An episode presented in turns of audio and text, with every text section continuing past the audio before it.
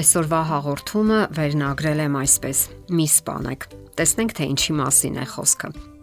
Ինչով են սիրում զբաղվել երիտասարդները։ Նրանք աշխատում են կամ սովորում, զբաղվում ինքնակրթությամբ, ընկերական հավաքներ կազմակերպում եւ զվարճանում։ Նրանք սիրում են կյանքը եւ մղվում նորանոր նվաճումների, ուսումնասիրում են այն, ինչ կատարվում է աշխարհում։ Իսկ դրա լավագույն միջոցը ժամանակակից տեխնոլոգիաներն են եւ հատկապես հեռախոսները։ Նրանք անգամ փողոցում կամ հասարակական տրանսպորտում խորասուզված են իրենց գերժամանակակից հեռախոսների մեջ, չնկատելով կամ ձևացնելով, թե չեն նկատում արտաքին աշխարհը։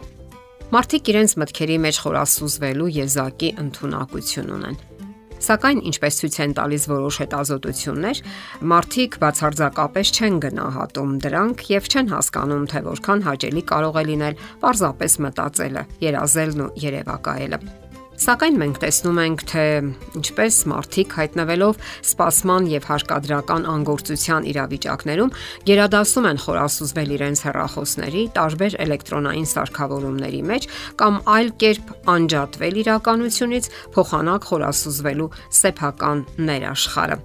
Այս մասին է նշում Ճապոնիայի Կիոտոյի համալսարանի առաջնակարգ մասնագետ Այա Խատանոն։ Նրա հետազոտության արդյունքները տպագրվել են փորձարարական հոգեբանություն ամսագրում։ Խատանոն եւ նրա գործընկերները փորձերի մի ամբողջ շարք են կատարել 259 կամավորների մասնակցությամբ։ Գիտնականների նպատակը այն էր, որ համեմատեն մասնակիցների պատկերացումները, թե որքանով է իրենց դուր գալիս պարզապես միայնակ նստել իրենց մտքերի հետ, համեմատելով դա իրական փորձառությունների հետ։ Այսպես, առաջին փորձի ժամանակ մասնակիցներից յուրաքանչյուրը միայնության մեջ 20 րոպե է անցկացրել, ընդ որում նրանց արգելված էր որևէ շեղող բան կատարել։ Դա կարող էր լինել օրինակ սմարթֆոնը։ Նրանք չէին կարող կարդալ կամ անգամ քայլել սենյակում։ Մյուս փորձերի ժամանակ փոխվել են միայնակ մնալու պայմանները։ Մասնակիցները կարող էին գտնվել մեծ դահլիճում կամ փոքրիկ խավար տարածքում։ Տարբեր էր նաև երկարատև միայնակ մնալու ընթացքը Սակայն ամեն անգամ ողրվում էր, որ մարդիկ իրենց մեջ խորասուզվելուց անհամեմատ ավելի մեծ բավականություն են ստացել, քան մտածում էին։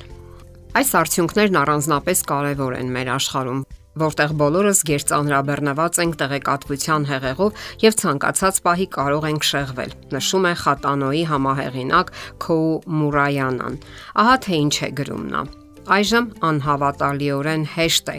ժամանակ սپانելը։ Աշխատանքի գնալիս տրանսպորտում դուք ստուգում եք հեռախոսը, փոխանակ խորասուզվելու ձեր թափառող միմյանց հատվող մտքերի մեջ։ Դուք ընտրում եք հեռախոսը, որովհետև այն կարծիքին եք, որ պարզապես մտածելը չափազանց ցանցրալի զբաղմունք է։ Սակայն դա կարող է սխալ լինել, որովհետև դուք կորցնում եք առանց արտաքին խթանիչների օգնության հաճելի ժամանակ անցկасնելու հնարավորությունը։ Սակայն այդ բաց թողնված հնարավորությունը կարող է շատ թանկ նստել ձեզ վրա, որովհետև ինչպես ցույց են տալիս ուսումնասիրությունները,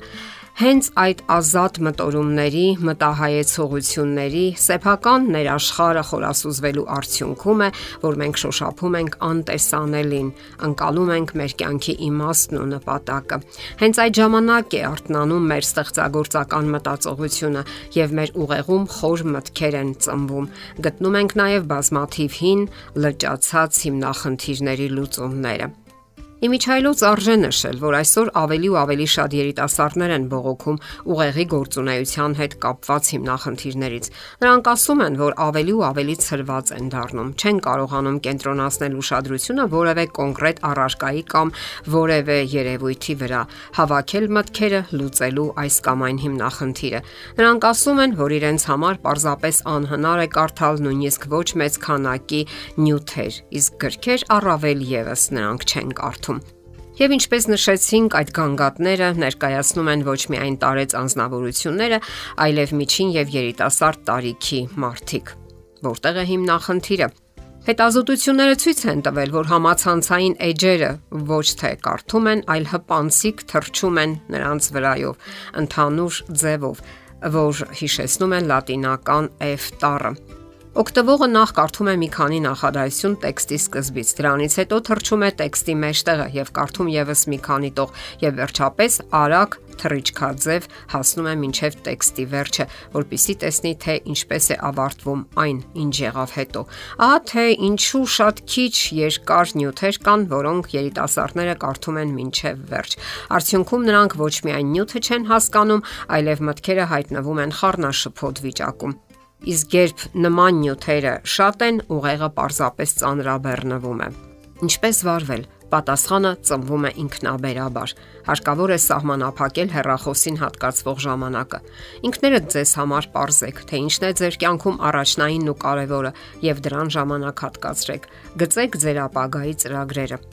Երբ հասարակական տրանսպորտում եք, առաջին միտքը հավանաբար հեռախոսն է, որpիսի կրճատեք ձեզ համար ձանձրալի թվացող ժամանակը։ Իսկ միգուցե ավելի հետաքրքիր ու հաճելի լինի սեփական մտքերի մեջ խորասուզվելը, կամ մարդկանց ուսումնասիրելը։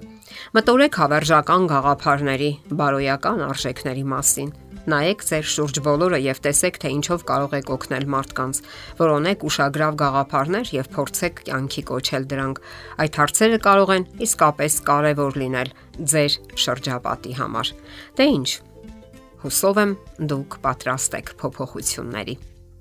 Եթերում է ճանապարհ երկուսով հաղորդաշարը։